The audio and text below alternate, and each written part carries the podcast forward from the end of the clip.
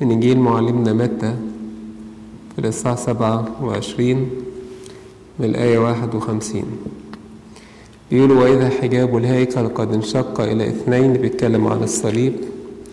من فوق إلى أسفل والأرض تزلزلت والصخور تشققت والقبور تفتحت وقام كثيرون كثير من أجساد القديسين الراقدين وخرجوا من القبور بعد قيامته ودخلوا المدينة المقدسة وظهروا لكثيرين. السؤال بيقول هل القبور تفتحت أثناء صلب السيد المسيح له المجد وقام القديسين بأجسادهم؟ وهل ظلت الأجساد أم ظلوا بأجسادهم حتى قام السيد له المجد ثم دخلوا المدينة المقدسة وظهروا كثيرين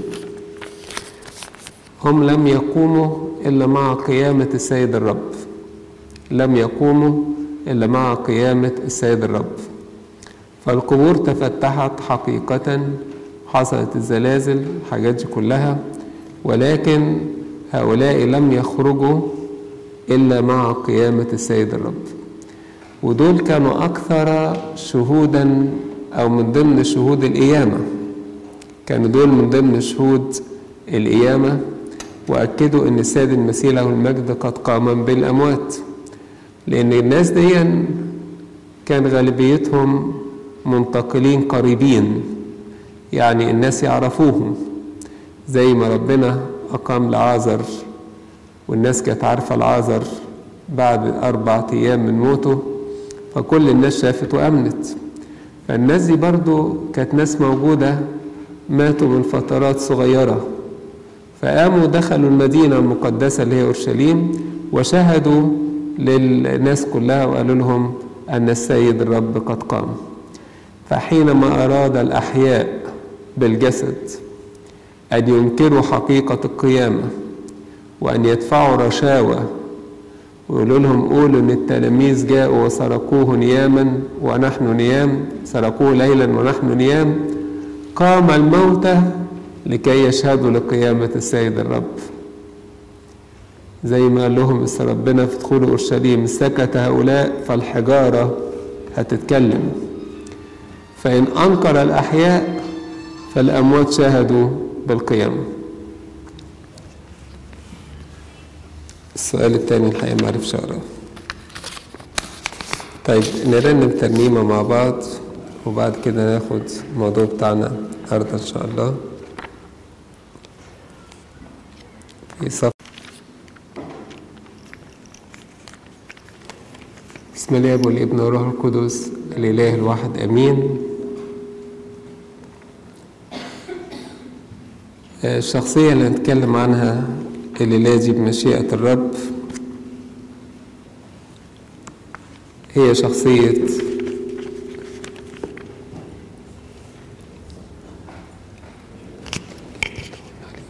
هي شخصية الملك سليمان. أكيد كلكم سمعتوا كثيرا عن الملك سليمان. لكن عايزين ناخد بعض تعاليم اللي ربنا اداها لنا النهارده في حياة هذا الرجل في حياة هذا الرجل العظيم. الملك سليمان هو ابن للملك داود. الملك داود كان عنده أولاد كثيرين. لكن أولاده دخلوا في مشاكل كثيرة بسبب الخطايا العالمية. ابن البكر دخل في خطية بسبب الشهوة. وكانت الشهوة لأخته الغير شقيقة. وضيع بيها المكانة بتاعته. ومن هذا الوقت دخلت أمور صعبة في هذه العيلة. فقام أخو هذه الأخت الغير شقيقة ودبر قتل هذا الأخ اللي أخطأ إلى أخته. وابتدى مسلسل من الانتقامات والشرور الصعب. والملك داود تحمل أمور كثيرة جدا ووصل إلى سن كبير وفي أيامه الأخيرة كان هناك بعض أرادوا أن يسيئوا إلى هذا الرجل الذي شهد عنه. أنني وجدت قلب عبدي داود حسب قلبي يقول الرب. فأرادوا أن هم يقيموا ملكا واحد من ولاده وهو عايش. وما كانش هو ده اللي داود عايز يبقى ملك. ود كان وصل لسن كبير. وكان عنده ابن أخت. ابن أخته كان هو قائد الجيش بتاعه. ولكنه كان إنسان صعب. وكان داود ما بيعرفش يتصرف معاه. كان بيجبره على أمور صعبة وبيعمل حاجات صعبة في المملكة وكان داود بيتحملها. ده ابن أخته. يعني داود يبقى خاله. وهنا نشوف قد إيه ناس ممكن يسيئوا لأقاربهم في أعمال كثيرة زي أعمال المملكة. لكن داود كان قد أراد أن يكون سليمان ابنه هو الملك. فلما سمع أنهم عايزين يعملوا ابن تاني من ولاده اللي هو أدونية اللي كان الكبير في الوقت دون فداود جاب سليمان وجاب الكاهن اللي موجود في هذا الوقت واتكلم معاهم وقال لهم أنا اخترت أن يكون داود هو الملك. اخترت أن يكون سليمان هو الملك من بعدي وقال لهم انزلوا ونادوا له بهذا الأمر. وفعلا أقاموا داوود أقاموا سليمان ملكا وركبوه على المركبة الخاصة بالملك ونادوا أمامه ليحيى الملك. ونادوا أمامه وقالوا يحيى الملك. وجه داود وصى ابنه سليمان وصايا حلوة. هتفيدنا قوي لما نسمع هذه الوصايا. داود قال لابنه إيه؟ قال له يا ابني أنا ذاهب في طريق الأرض كلها. فتشدد وكن رجلا. هنا لأنه شاف ناس ممكن يأثروا في المملكة. فقال له خليك إنسان متشدد. خليك رجل يعني تقدر تاخد القرارات الحاسمة تقدر يبقى لك موقف في أي أمر من الأمور. قال له احفظ شعائر الرب. استسير في طرقه وتحفظ فرائضه وصاياه وأحكامه وشهاداته كما هو مكتوب في شريعة النبي موسى لكي تفلح في كل ما تفعل وحيثما توجهت.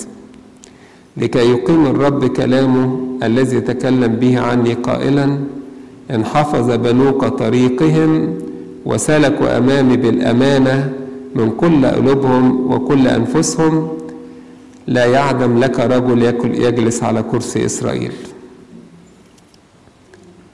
وصاه وصايا إن هو يكون إنسان يعيش مع ربنا ويتحفظ للعمل الصالح وقال شوف يا ابني لو انت مشيت في أي طريق منحرف ربنا هيغضب عليك مش هيكون ماشي معاك ابدا.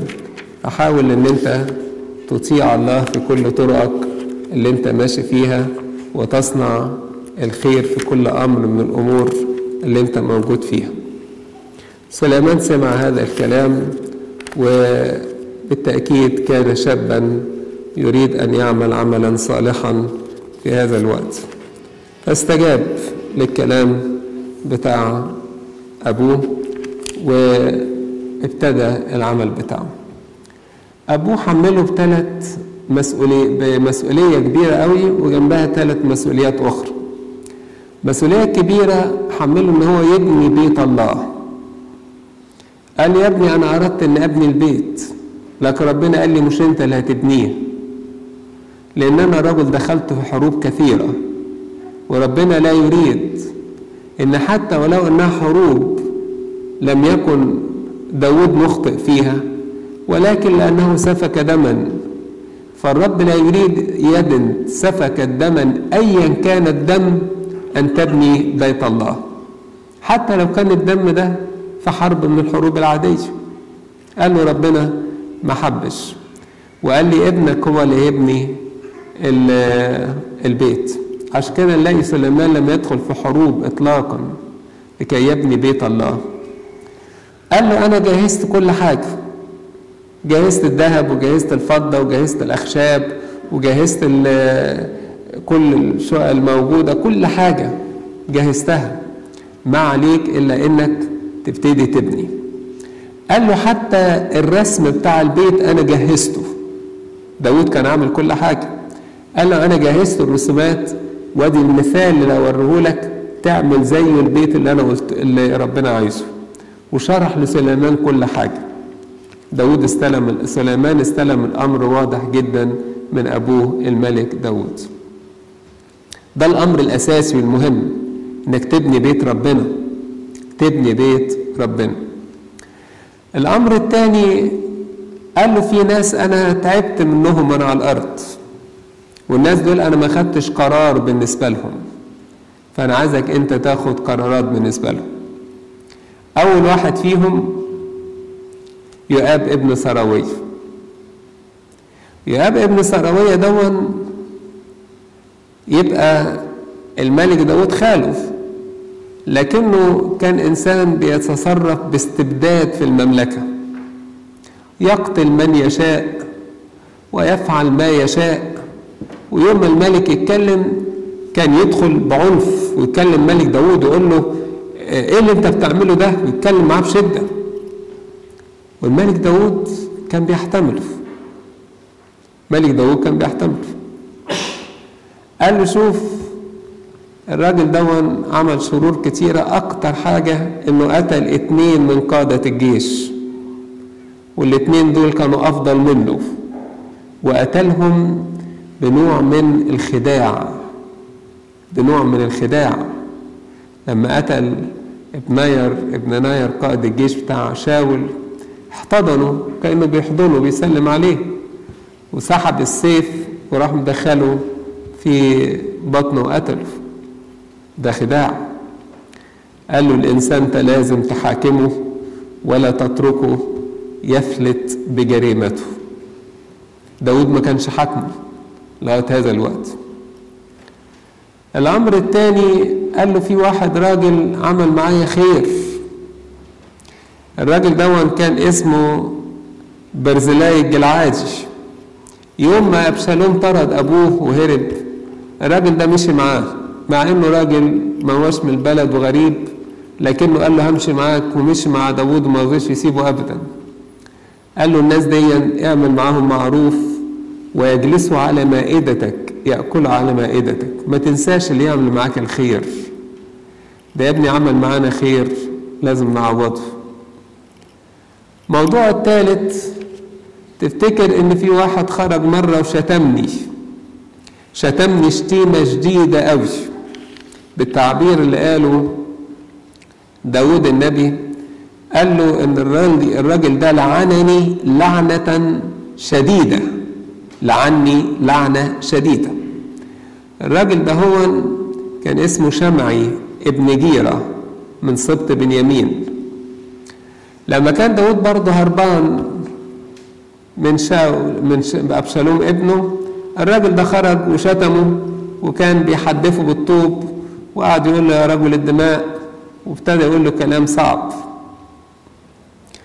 لما داود رجع واحد قال له يمسك شمع ابن جيرة ده نقتله قال له لا مش وقته. مرضيش. والراجل جه حاول يعتذر له هو قال له أنا سامحتك في الوقت ده. لكن قال لابنه قال له الراجل ده هو لازم تحاكمه. فأنت رجل حكيم فاعمل ما تف... فاعلم ما تفعل به ولا تتركه بفعلته الرضية اللي عملها ومات داود بعد أن ملك على المملكة أربعين سنة. مات يعني سنه سبعين سنة. فمات بعد ما ملك أربعين سنة في إسرائيل. وابتدى داود ابتدى سليمان المملكة بتاعته. الحقيقة المملكة بتاعته ابتدت بحاجة جميلة جدا جدا. ودي جميلة إن أي خدمة إنسان يبتديها يبتديها بعلاقة حلوة مع ربنا. يقول لنا إن أول ليلة سليمان خد فيها المملكة بدأ سليمان إن هو يصلي ويطلع إلى خيمة الاجتماع ويقدم ذبايح. ابتدى العمل بالصلاة وابتدى العمل بالذبائح.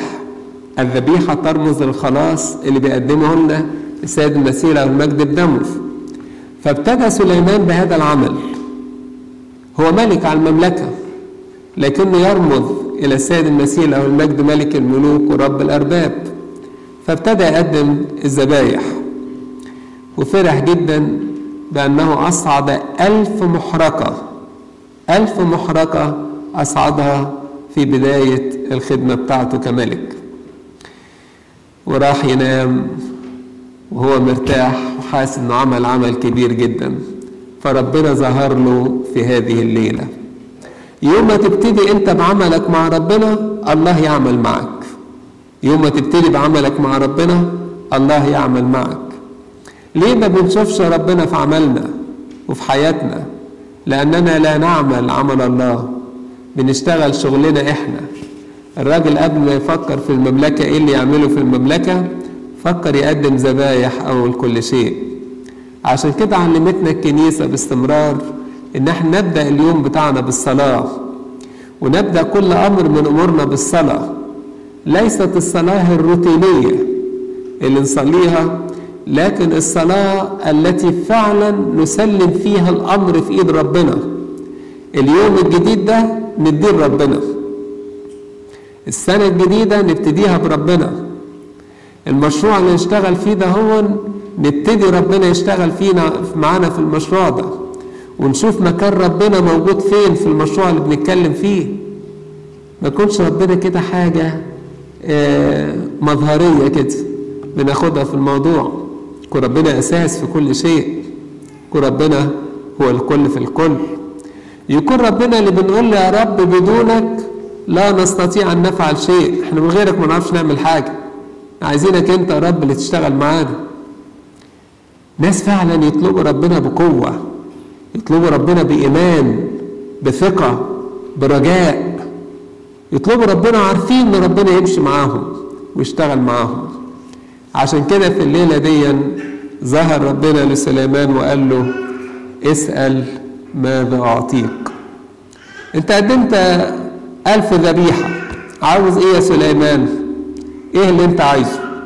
اسأل ماذا أعطيك يا سؤال جميل جدا. أن الذي يملك أن يعطي كل شيء يجي يقول لك اسأل ماذا أعطيك. ربنا يقول لك اسأل ماذا أعطيك. وهو اللي قال لنا اسألوا تعطوا اطلبوا تجدوا اقرعوا يفتح لكم. يعني السؤال اللي قاله سليمان زمان ربنا بيقوله لكل واحد وكل واحدة مننا. ربنا قاله لسليمان زمان اسأل ماذا أعطيك؟ وربنا بيقولها لكل واحد وكل واحدة مننا النهاردة بيقول لنا اسألوا تعطوا اطلبوا تجدوا اقرعوا يفتح لكم. فين أسئلتك لربنا؟ يجي ربنا يقول إلى الآن لم تطلبوا شيء باسمي. إلى الآن ما طلبناش حاجة؟ لأنكم زي ما يقول القديس يعقوب تطلبون رضيا. تطلبون ولا تأخذون لأنكم تطلبون رضيا. بنطلب حاجات ملهاش معنى. فعش نطلبها من ربنا. فعش نطلبها من ربنا. عشان كده تعالوا شوفوا سليمان طلب إيه. فسليمان قال له إنك قد فعلت مع داود أبي رحمة عظيمة وملكتني مكانه. فالآن أيها الرب الإله ليثبت كلامك مع داود أبي لأنك ملكتني على شعب كثير كتراب الأرض ناس كثيرة أوي. فأعطيني الآن حكمة أعطيني الآن حكمة ومعرفة. لأخرج أمام هذا الشعب وأدخل لأنه من يقدر أن يحكم على شعبك هذا العظيم. قال له يا رب أنت ملكتين على شعب كبير قوي. ملكتين على شعب كبير قوي. هنا كلام سليمان في نبوة وفي كلام واقعي. كلام الواقع انك ملكتني على شعب إسرائيل. لكن شعب إسرائيل في الوقت دون ما كانش الشعب اللي كتراب الأرض في الكثره تراب الأرض في الكثره وشعب عظيم يعني كبير قوي لكنه كان ينظر بالإيمان لما قاله الرب لأبونا إبراهيم. قال له إن نسلك هيكون أكتر من الرمل اللي على شاطئ البحر وأكتر من النجوم اللي في السماء. فكان باصص بالإيمان إن الشعب المؤمن بالله هيكون شعب يملأ المسكونة كلها هيكون أكتر من تراب الأرض. أكتر من تراب الأرض. التراب ده ما حدش يقدر يحصيه. حدش يقدر يحصي التراب ابدا. لكن يكون أكتر من تراب الأرض. قال له كل طلبه اديني حكمة ومعرفة. إزاي أعرف إن أنا أتعامل مع هذا الشعب؟ إيه الطلب اللي طلبه سليمان؟ إيه هي الحكمة؟ الحكمة هي الله نفسه. نحن نقول أن السيد المسيح له المجد هو أقلوم الحكمة. سيد المسيح له المجد هو اقلوم الحكمة. هو فيه ملء المعرفة. فهو الحكمة وهو المعرفة. وكأنه قال له إيه؟ قال له عايزك يا رب أنت نفسك تبقى معايا. هو ده أعظم طلب الإنسان يطلبه. إحنا نقول له يا رب أنا عايزك أنت. أنا عايزك أنت. مفيش حاجة هتقدر إنها آه تشبعني غيرك. مفيش حاجة هتقدر إنها تسدد احتياجاتي غيرك. عشان كده أنا عايزك أنت يا رب. كل إنسان يطلب يقول له يا رب أنا عايزك معايا. عايزك تكون معايا في كل حتة. أنت قلت أنا معكم كل الأيام. أنا عايزك معايا كل الأيام. أنت قلت بدوني ما تقدروش تعملوا حاجة. أنا عايزك تعمل معايا كل حاجة هعملها. أنا عايز يا رب ألتصق بيك وأتحد بيك. انت قلت للناس اللي في إيدي محدش يقدر يخطفهم. أنا عايز أبقى في إيدك على طول. أنا عايزك أنت يا رب. عايزك أنت. مش عايزين حاجة. إيه اللي هناخده من العالم؟ ناخد أموال مقتنيات كنوز أرضية. كلها هنسيبها ونمشي. مفيش حاجة منها ستبقى. ناخد شهادات وعلم. هتعمل إيه بالشهادات والعلم؟ هتخدم بيها فترة وبعد كده يكتبوها في سجل تاريخي. كان هذا له من العلم كذا وكذا وكذا. وتيجي أجيال بعد كده يضحكوا على العلم اللي إحنا كنا متعلمينه. يقولوا إيه العلم اللي بيقولوه ده؟ يعني لو النهارده مثلا حبينا كده نتكلم عن وس... عن وسائل المواصلات أيام أبائنا وأجدادنا من 200 و300 و400 سنة. نقول إيه؟ نقول دي حاجة اسمها مواصلات برضه. ده حاجة نقول إيه كان بيركبوا إيه؟ دلوقتي بنركب حاجات تانية. و... ولا وسائل الاتصال عشان يبعتوا يتكلموا مع حد يسافر سفرية طويلة يقابلوا بعد شهور. أو كانوا يستخدموا أحيانا الحمام يبعتوا فيه رسائل النهارده عارفين رسائل بيبعتوها إزاي؟ امور بتتغير عشان كده العلم ملوش قيمة. بالنسبة انك تقول أنا احرزت من العلم كذا وكذا أو احرزت من الثروة كذا وكذا. أنا عايزك أنت يا رب. عشان كده قال له اديني الحكمة. عشان أحكم بها شعبك أنت. ما هو ده شعبك أنت. وأنت أقمتني خادم لي. طلب عظيم طلب سليمان إيه اللي قاله له ربنا؟ قال له من أجل هذا من أجل أن كان في قلبك ولم تسأل غنى ولا أموال ولا كرامة. ما سألتش غنى ولا أموال ولا كرامة. ولا أنفس مبغضيك. ما سألتش عن أنفس مبغضيك يعني يا رب ريحني من أعدائي. ريحني من فلان وفلانة. ولا سألت أياما كثيرة. تقولش اديني طولة عمر. إنما سألت لنفسك حكمة ومعرفة. تحكم بها شعبي الذي ملكتك عليه. ده شعبي أنا وأنا اللي أقمتك ملك عليه. قد أعطيتك حكمة ومعرفة. ده حاجة من الله بقى.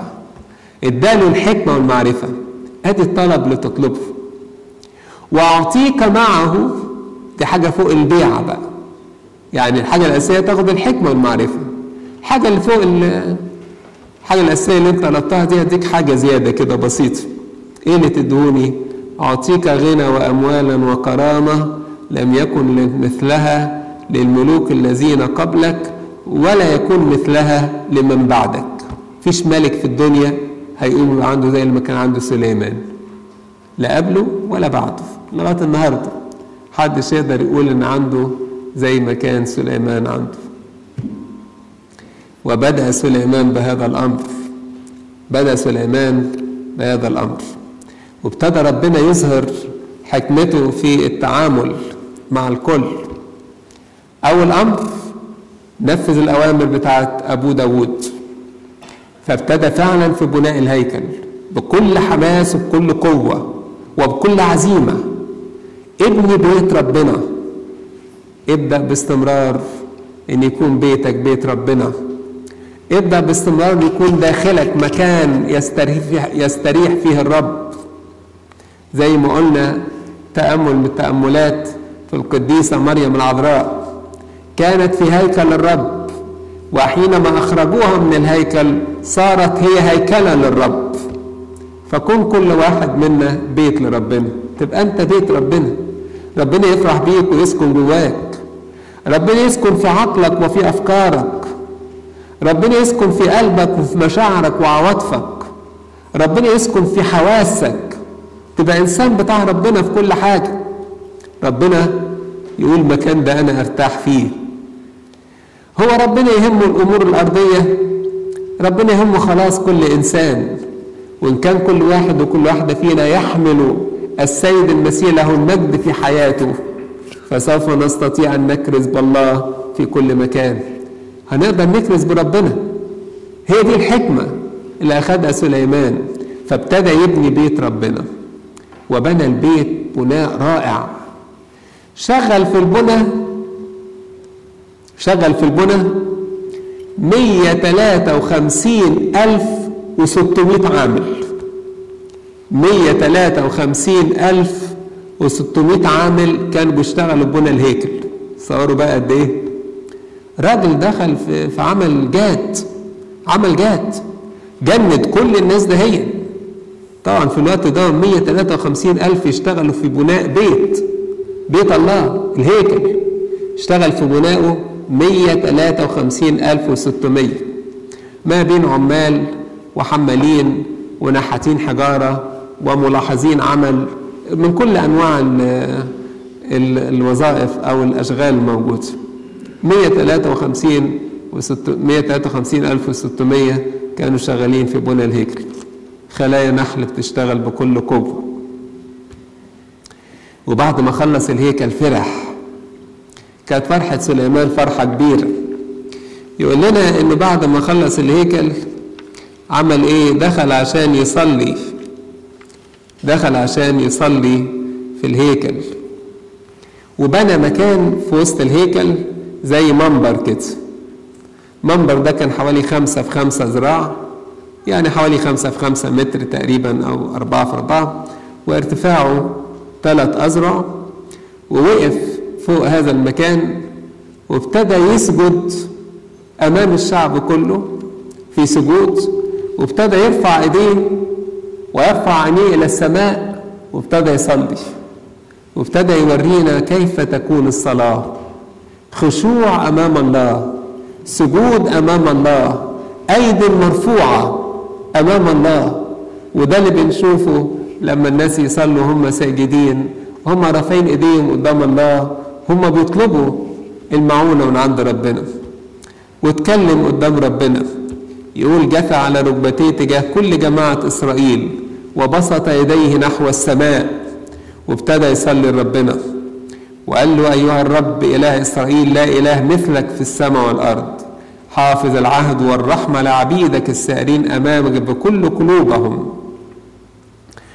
وابتدى يقول له أنا عارف يا رب إنك ما تسكنش في مسكن من المساكن دهيا لأن هذا السماء وسموات السموات لا تسعك. فكم بالأقل لهذا البيت الذي بنيت. التفت إلى صلاة عبدك وإلى تضرع أيها الرب إلهي. واسمع الصراخ والصلاة التي تصليها عبدك أمامك. وطلب منه الطلب الحلو ده هو لتكن عيناك مفتوحتان على هذا البيت. لتكن عيناك مفتوحة نهارا وليلا على هذا الموضع الذي قلت أن تضع اسمك فيه. وابتدى يصلي صلاة طويلة يطلب فيها كل طلبة. لإنسان مخطئ لإنسان مسافر لإنسان مريض. لإنسان في احتياج لأي أمر. قال له يجي لك في هذا البيت ويطلب أعطيه طلبه. والرب قال له أمين أنا أديه كل ما يطلبونه. وآخر صلاته قال له لتكن عيناك مفتوحتان وأذناك مصغيتان لصلاة هذا المكان. عينيك مفتوحة وأذنك مصغية لصلاة هذا المكان. اللي يجي في هذا المكان أنت تشوفه واللي يتكلم أنت تسمعه وتعمل إيه؟ وتدي لكل إنسان كل ما يطلبه منك. وربنا قال له ليكن لك هذا. نزلت نار من السماء وأكلت المحرقة والذبائح ومجد الرب حل في المكان وكل الناس نظروا. مجد الرب على البيت وكان ظهورا حقيقيا ظهر فيه الله. للملك سليمان في وسط هذا المكان. ده يورينا العمل العظيم اللي ابتدى به سليمان إن هو يبدأ هذا البيت ويكمل هذا البيت اللي أخذ منه عشرين سنة في بنائه. مية تلاتة وخمسين ألف ستمائة عامل بيشتغل لمدة عشرين سنة يبنوا البيت. وكمل البيت وكان حاجة فعلا ليها مكانة عظيمة. وده اللي اليهود كانوا بيكرموه جدا هيكل سليمان. كانوا يكرموه جدا وكانوا يغاروا عليه غيرة شديدة. وده اليهود سايبين حائط يبقوا عليه لغاية دلوقتي يسموه حائط المبكى. يبكوا على هيكل سليمان اللي ضاع منهم. ما حاجة عظيمة حقيقي. قاعد يبص لها بالطريقة دي يقول ده يديك عليه يعني فعلا. الأمر الثاني إن سليمان نفذ كل ما طلب منه أبوه. الثلاث حاجات أولاد برزلاي برزلاي الجلعادي أكرمهم وكان بيقعدهم على مائدته. أما بالنسبة للاثنين الآخرين فقد عاقبهم عقاب. يؤاب بن سراوية عاقبه بأنه قعد مستنيه أخطأ في خطأ حكم عليه حكما قانونيا وحكم بموته. ومات يؤاب ابن سراوية وتم الكلام اللي قاله الملك داود نفس الشيء مع شمع ابن جيرة اللي شتم الملك داود فأيضا تركوا في أمر من الأمور وبعدين لما أخطأ حكمه وبعدين يجي السؤال يقول طب داود سامحه. طب ليه داود ليه سليمان عاقبه؟ أو ليه داود قال له عاقبه؟ طب ما أنت سامحته. هو اللي بيسامح بيرجع في كلامه. داود سامحه لأنه شتمه شخصيا. فهو سامحه في الشتيمة الشخصية دي. لكن داو لكن شمع بن جلد عمل إيه؟ شتم مسيح الرب أو الممسوح بيد الرب. لأن كان الملك يمسح بالزيت المقدس أو دهن من قنينة الدهن أو قرن الدهن فكانوا يسموه الممسوح من الرب أو مسيح الرب. وكان هناك تحذير على إن الممسوح من الرب لا يمسه إنسان بأي صورة. لدرجة لما شاول كان عايز يقتل داوود وعرفناها لما كنا بنتكلم عن حياة داوود. ولقى شاول قدام ما رضيش يقتله وشاول خارج عايز يقتل داوود. وقالوا له ده عدوك قدامك. قال لهم حاشا لي من قبل الرب أن أمد يدي على الممسوح من الله أنا ما أقدرش. هو يموت بطريقته أو ربنا يتصرف معاه لكن أنا ما مدش إيدي عليه. فشمع بن جيرة أساء إلى الممسوح من الله أساء إلى كاهن الله نبي الله الملك اللي ربنا أقامه على الشعب. عشان كده كان لابد أن يأخذ هذه العقوبة. لو كان داود عاقبه عاقبه بنفسه ربما يقال داود بينتقم لنفسه. لكن هنا سليمان عمل إيه؟ تمم القانون حكم عليه بالقانون. فكان رجلا عادلا. من ضمن الحاجات اللي ابتدت تبين حكمة سليمان في بداية أموره علشان ربنا كده يخلي الناس آه تقتنع بيه. ربنا ليه طريقته؟ فكان في اتنين سيدات عايشين لوحديهم وعندهم كل واحد طفل.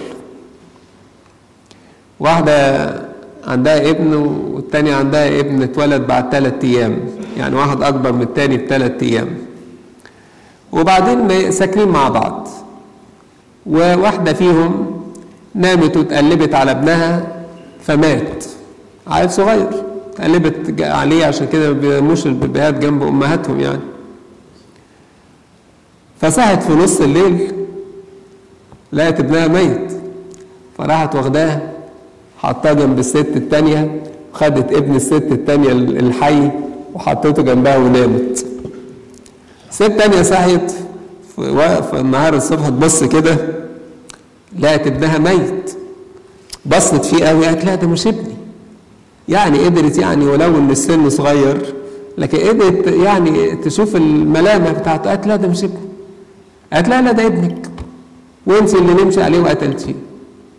نروح لسليمان يحكم عليهم. فراحوا لسليمان وقف. فالست جت كلمت قالت له ده ابني الحي ده ابني. والست دي نامت على ابنها وموتته وبتقول لا ده اللي مات ابني أنا وعايز تاخد الولد مني. طب وانت يا ست كلامك إيه؟ قالت له نفس الكلام. طب أعمل لكم إيه؟ انت بتقولي إن الحي ابنك وانت بتقولي إن الحي ابنك. وانتوا الاثنين رافضين الميت ابنك. خلاص ما فيش مشكلة. راح نادى واحد قال له هات لي السيف. راح جايب له السيف بتاعه. وقال لهم نشطر الواد ده نصين. كل واحدة تاخد نص وخلاص ما تزعلوش. واحدة فيهم راحت طالعة مزعقة. لا لا لا اديهوله كل اديها لها. اديها الواد كله مش عايزة حاجة.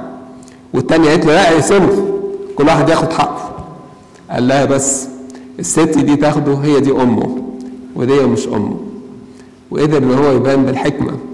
يقول لنا بعد كده إن اسم سليمان كان قدام الكل قد إيه رجل حكيم ابتدوا يشوفوا الحكمة العظيمة الموجودة في هذا الرجل. جاءت من آخر بلاد الجنوب ملكة التيمن. علشان تزور الملك سليمان سمعت عن الحكمة بتاعته.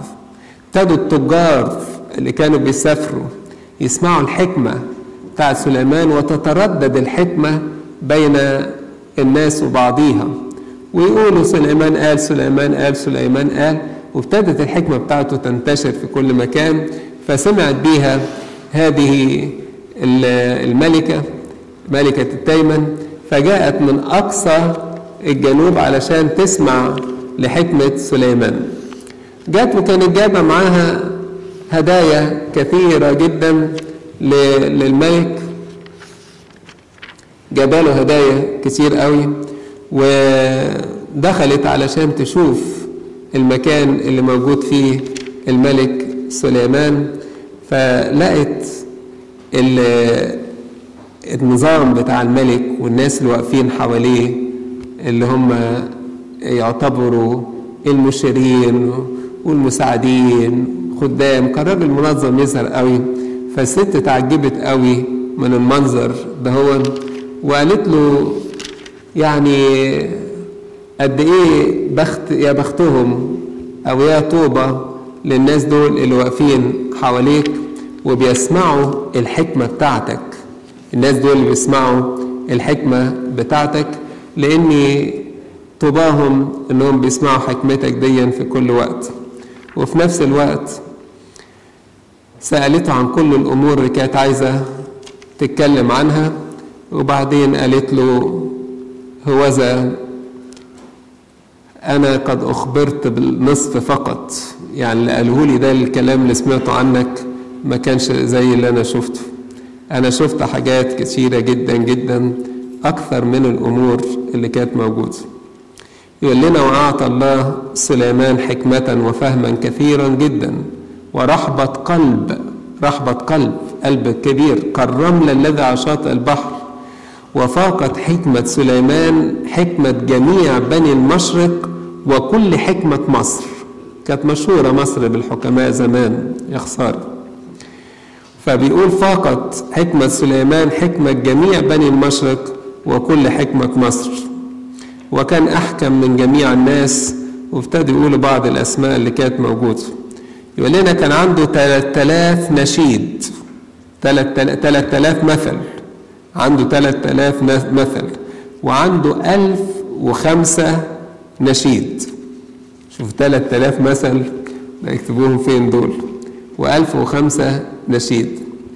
ويقولوا نتكلم عن الأشجار وعن الأرز واللي في لبنان عن الزوفة اللي بينبت في الحائط وتكلم عن البهايم والطيور والدبيب والسمك. وكانوا يأتون من جميع الشعوب ليسمعوا حكمة سليمان من جميع ملوك الأرض الذين سمعوا بحكمته. كان كل الناس بيجوا من كل مكان عشان يسمعوا الحكمة بتاعت سليمان. ده كلام جميل جدا عن سليمان. ولكن قبلما نختم الكلام على سليمان لابد أيضا أن نقول أن الحكمة تحتاج للإنسان أن هو يكون حريص على الحكمة اللي يكون موجودة فيها. طبعا قلنا عن ملك التامن أو ملك السبأ اللي جت عشان تمتحنه بالأمور بتاعته والحاجات دي كلها وجابت له هدايا كتير وذهب كتير أوي أوي. ورجعت بلدها وهي فرحانة. كل ده حاجات جميلة. لكن يقول لنا بقى حاجة صعبة. وكان في زمان شيخوخة سليمان. زمان شيخوخة دي تخوفنا. تخوفنا ليه؟ لأن زمن الشيخوخة بيكون الإنسان قرب لترك العالم. وخدوا بالكم في شيطان اسمه شيطان الشيخوخة. يحارب الناس في الآخر. لا واحد لما تقعد معاه يقول لك ده أنا كنت زمان ما سيبش الكنيسة أبدا. طب ودلوقتي؟ زمان.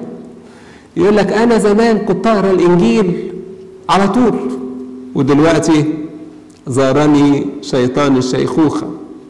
بقيت دلوقتي بتاع سياسة بتاع تلفزيونات بتاع قنوات بتاع كمبيوتر بتاع أي حاجة.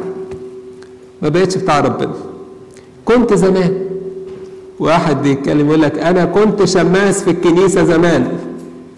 كلها جنبيها كلمة زمان دي. طب ودلوقتي وتروح ربنا تبقى إيه؟ تقول له أنا كنت زمان يا رب بيقول لك ودلوقتي وضعك إيه؟ هي دي الخطورة أنت النهارده إيه؟ يا ريت كنت زمان لو لا سمح الله يعني كإنسان حاجة مش كويسة بعدين دلوقتي يقول آه كنت زمان خاطئا وكنت وكنت ورحمت والآن أعيش في خوف الله وأعيش في التوبة هو ده الشيء الصح فكانت الخطورة لنا وكان في زمان شيخوخة سليمان. أن نساءه أملنا قلبه وراء آلهة أخرى. فين الحكمة هنا؟ ولم يكن قلبه كاملا مع الرب إلهه كقلب داود أبيه. كلام خطير. فذهب سليمان وراء عشتروت إله الصيدنويين وملكوم ركس العمانيين وعمل سليمان الشر في عيني الرب ولم يتبع الرب تماما كداود أبيه. وبنى مرتفع لكموش ركس المؤابيين على الجبل أمام أورشليم ولمولك ركس بني عمون وعمل لجميع النساء الغريبات اللواتي كن يوقدن ويذبحن لآلهتهن عمل لهم كل حاجة. عمل لهم كل حاجة عشان ترضيهم. أصل المشكلة يقول إيه؟ إن الملك سليمان لما لقى نفسه كده في الشهرة العظيمة دهيا ولقى نفسه ملوك العالم كلها جاياله كانش مانع عنده إن هو يتجوز بنت فرعون. فاتجوز واحدة فرعونية. خد بنت فرعون اتجوزها. وجوز بنت ده وبنت ده وبنت ده ودخل في علاقات كتيرة. والعلاقات دي ضيعته يقول لنا أحب الملك سليمان نساء غريبة كثيرة. نساء غريبة كثيرة. وغريبة هنا يعني ما هماش بتاع ربنا. ما هماش من الإيمان. منهم مؤبيات وعمانيات وأدويات وصيدونويات وحثيات من الأمم الذين قال الرب لا تكون لكم معهم شركة. أخطر شيء إن الإنسان يدخل شيء في محبته مع ربنا. لو دخلت حاجة في محبة ربنا هتفقد محبة الله الكاملة النقية الحلوة. ربنا لما قال تحب الرب إلهك قال تحبه منين؟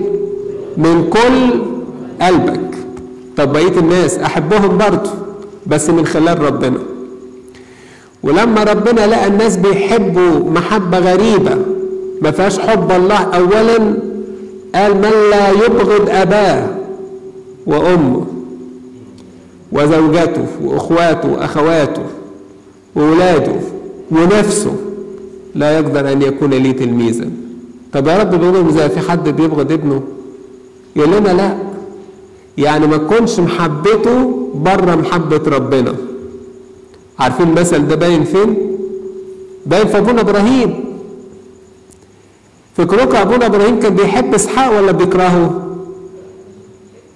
ده ما كانش عنده غير إسحاق ده إسماعيل اتطرد وخلاص ما فيش حد تاني ولما ربنا قال له قدم إسحاق ابنك محرقة قال له قدم إسحاق مين؟ ابنك وحيدك اللي إيه؟ اللي بتحبه. قدم ابنك الذي تحبه. يا ربنا عارف إن إبراهيم بيحبه. طب إبراهيم راح قدمه كابراهيم بيكرهه لا. بس قال أصل محبة الله من كل القلب. واسحاق محبته جوه محبة ربنا. فلما ربنا يقول لي قدمه يبقى محبة ربنا طاغية على محبة إسحاق. فهقدمه أنا بحبه. وواثق إن ربنا هيقيم الموت. هنا الخطورة إن ندخل محبة جنب محبة ربنا. يبقى ربنا ياخد جزء من القلب. ربنا لا يتجزأ في التعامل معه. خدوا بالكم الحقيقة دهيا ربنا لا يتجزأ في المحبة بتاعت ربنا. في ناس تتعامل مع ربنا بالجزئيات يعني. يقول لك إيه المانع ندي ساعة لربنا وساعه للعالم. وطلعت موضه كده تقول لك ساعه لربك وساعه لقلبك طب وقلبك ده فيه إيه؟ قلبك ده برضه مش بتاع ربك ولا بتاع مين؟ وطلعت وقت نلاقي الناس يعني مثلا لو واحد مثلا يقول مراته أنا بحبك جدا وفي نفس الوقت في محبات تانية جنبيها هتقبل الكلام ده؟ تقول له مستحيل تحبني محبة كاملة أنا الكل المحبة أه ربنا كده تحب ربنا من كل قلبك فسليمان دخل محبات أخرى غير محبة ربنا. عشان كده قال ارتبط بهم بالمحبة. يقصد المحبة اللي كان المفروض أديها لربنا خدها واداها للنساء دول الغريبات. فعشان كده لما قالوا له ابن لنا معابد للآلهة بتاعتنا بنى لهم معابد للآلهة بتاعتهم. ولما قالوا له اعبد معانا عشان ما تزعلناش عبد معاهم الآلهة بتاعتهم عشان ما تزعلهمش. إيه اللي بتعمله يا سليمان؟ هي دي حكمة؟ تطوع دي وتطوع دي وتمشي في الأمور دهيا عشان كده يقول لك غضب الرب على سليمان. غضب الرب على سليمان لأن قلبه مال عن الرب. قلبه مشي بعيد عن ربنا. مال عن الرب الذي تراءى له مرتين. ربنا ظهر له مرتين. ده حاجة يعني ولم يحفظ ما أوصى به الرب. وربنا قال لسليمان قال له من أجل أنك لم تحفظ عهدي وفرائضي التي أوصيتك بها فأمزق المملكة عنك تمزيقا وأعطيها لعبدك. لكن أنا لن أفعل هذا في أيامك من أجل داود أبيك بل من يد ابنك أمزقها. وقال له برضه عشان خاطر داود ودي باين الشفاعة. قال له عشان خاطر داود هسيب لك سبط من الأسباط يقعد على اسم داود على طول. اللي هي مملكة اليهودية. طب هل سليمان دي النهاية ولا تبقى نهاية صعبة؟ نهاية صعبة ونزعل كلنا. لا مش هي دي النهاية بتاع سليمان لأن في وعد. في وعد حلو قوي ربنا قاله لسليمان. وداود تنبأ بالوعد ده. داود تنبأ بيه في المزمور 118 لما قال فيه تأديبا أدبني الرب وإلى الموت لم يسلمني. ربنا قال لداود في وعد قال له هقيم من ولادك واحد على الكرسي بتاعك. إن هذا الإنسان انحرف سأؤدبه وأرده. إذا كان في وعد. فربنا أدب سليمان. ربنا قوم له ناس يأدبوه. جاب له واحد كده متعب كان بيشتغل ضده من مصر وابتدى يعمل له مشاكل كان يعني شوكة في ظهر سليمان. وديا اللي خلت سليمان يبتدي يعرف ويتوب. أحيانا ربنا بيسمح لنا بضيقات يسمح لنا بأمور تتعبنا يسمح لنا بأي شيء ما تزعلوش. يسمح لنا بضيقات زي بنشوفها في العالم. ناس يزعلوا. ليه يا رب بس سامح بكده؟ مش انت إلهنا؟ ليه يا رب ما تمنعش ما تمنعش الضيقات دهيا؟ ليه ما تحوطش حوالينا يا رب قوة من عندك؟ ليه يا رب ما. ما أعدائنا دول كلهم تخضعهم تحت أقدامنا؟ ما انت القادر تعمل كل حاجة. الناس يعني إيه بالنسبة لك دول ولا حاجة؟ ربنا يقول لا دول الناس ليهم برضو أهمية. أنتوا عاملين إيه؟ اوعوا تكونوا زي سليمان. أنا بحبكم مش عايز اهلككم. فانا سامح بالضيقات وسامح بالمتاعب. ممكن تكون ضيقة بيت ممكن تكون ضيقة في كنيسة ممكن تكون ضيقة في بلد. زي ما بنشوف ممكن تكون ضيقة في بلاد زي الشرق الأوسط مصر كلها. ونلاقي ضيقات نقول يا رب. هو انت فين؟ يقول لنا موجود. الأمور كلها في ايدي. تخافوش. تخافوش. بس اعملوا إيه؟ توبوا. ارجعوا لإلا تهلك عشان كده لازم ناخد بالنا من الأمر دون علشان كده نلاقي إن سليمان قدم توبة. التوبة اللي قدمها سليمان نجدها موجودة في أسفاره الجميلة سواء سفر الأمثال وفي سفر اسمه حكمة سليمان.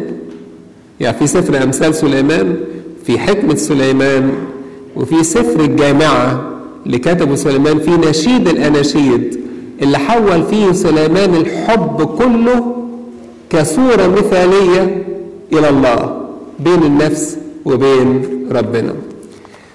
من الكلمات القوية اللي ناخدها عشان نختم بيها كلام سليمان ونطمن عليه وهو بيقول لنا في سفر الجامعة أول سفر الجامعة.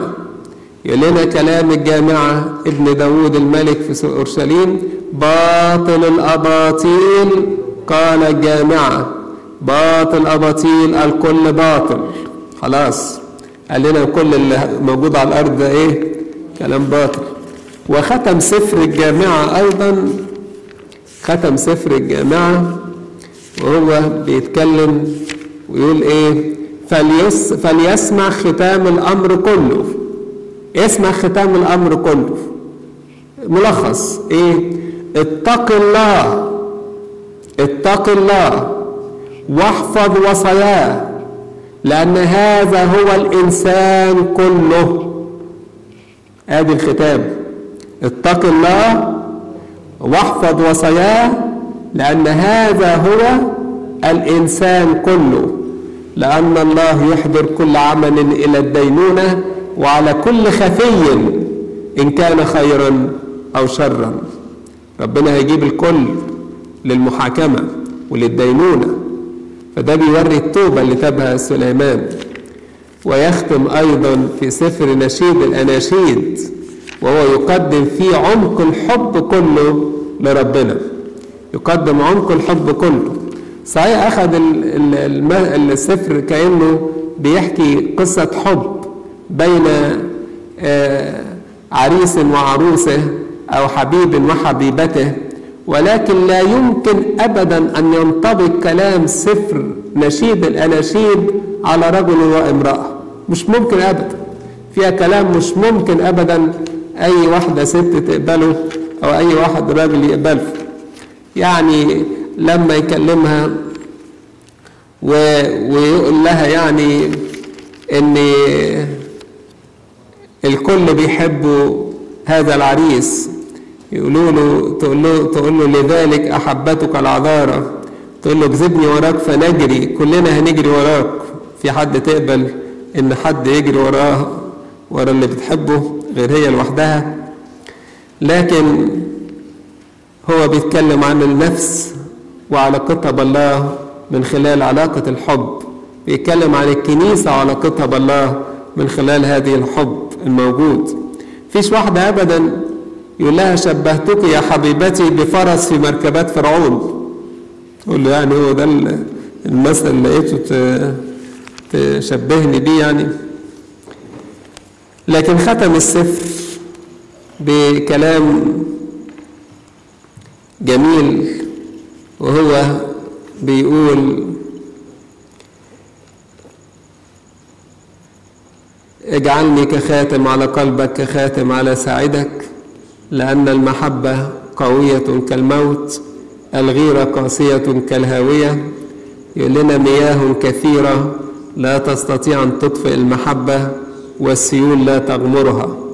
بيتكلم على كل المياه اللي مرت سواء خطايا وحروب ومتاعب كل ده مش هتقدر تطفئ محبة الله لينا والسيول لن تغمرها. لكن نرجع لربنا. وأن أعطى الإنسان كل ثروة بيته. عوض المحبة تحتقر احتقارا. لو أعطى الإنسان كل ثروة بيته عوض المحبة تحتقر احتقارا. يعني قدم الحب لله كاملا ربنا مش عايز منك عطايا مش عايز منك أمور أرضية مش عايز مش عايز أي حاجة. ربنا عايز محبتك الكاملة تقدمها لربنا. فقدم توبة عظيمة جدا وصارت توبة سليمان مثالا قويا من أسفار التوبة اللي قدمها الملك سليمان. بركة هذا الملك تكون معنا ولإلهنا المجد الدائم إلى الأبد. آمين. تفضلوا نصلي.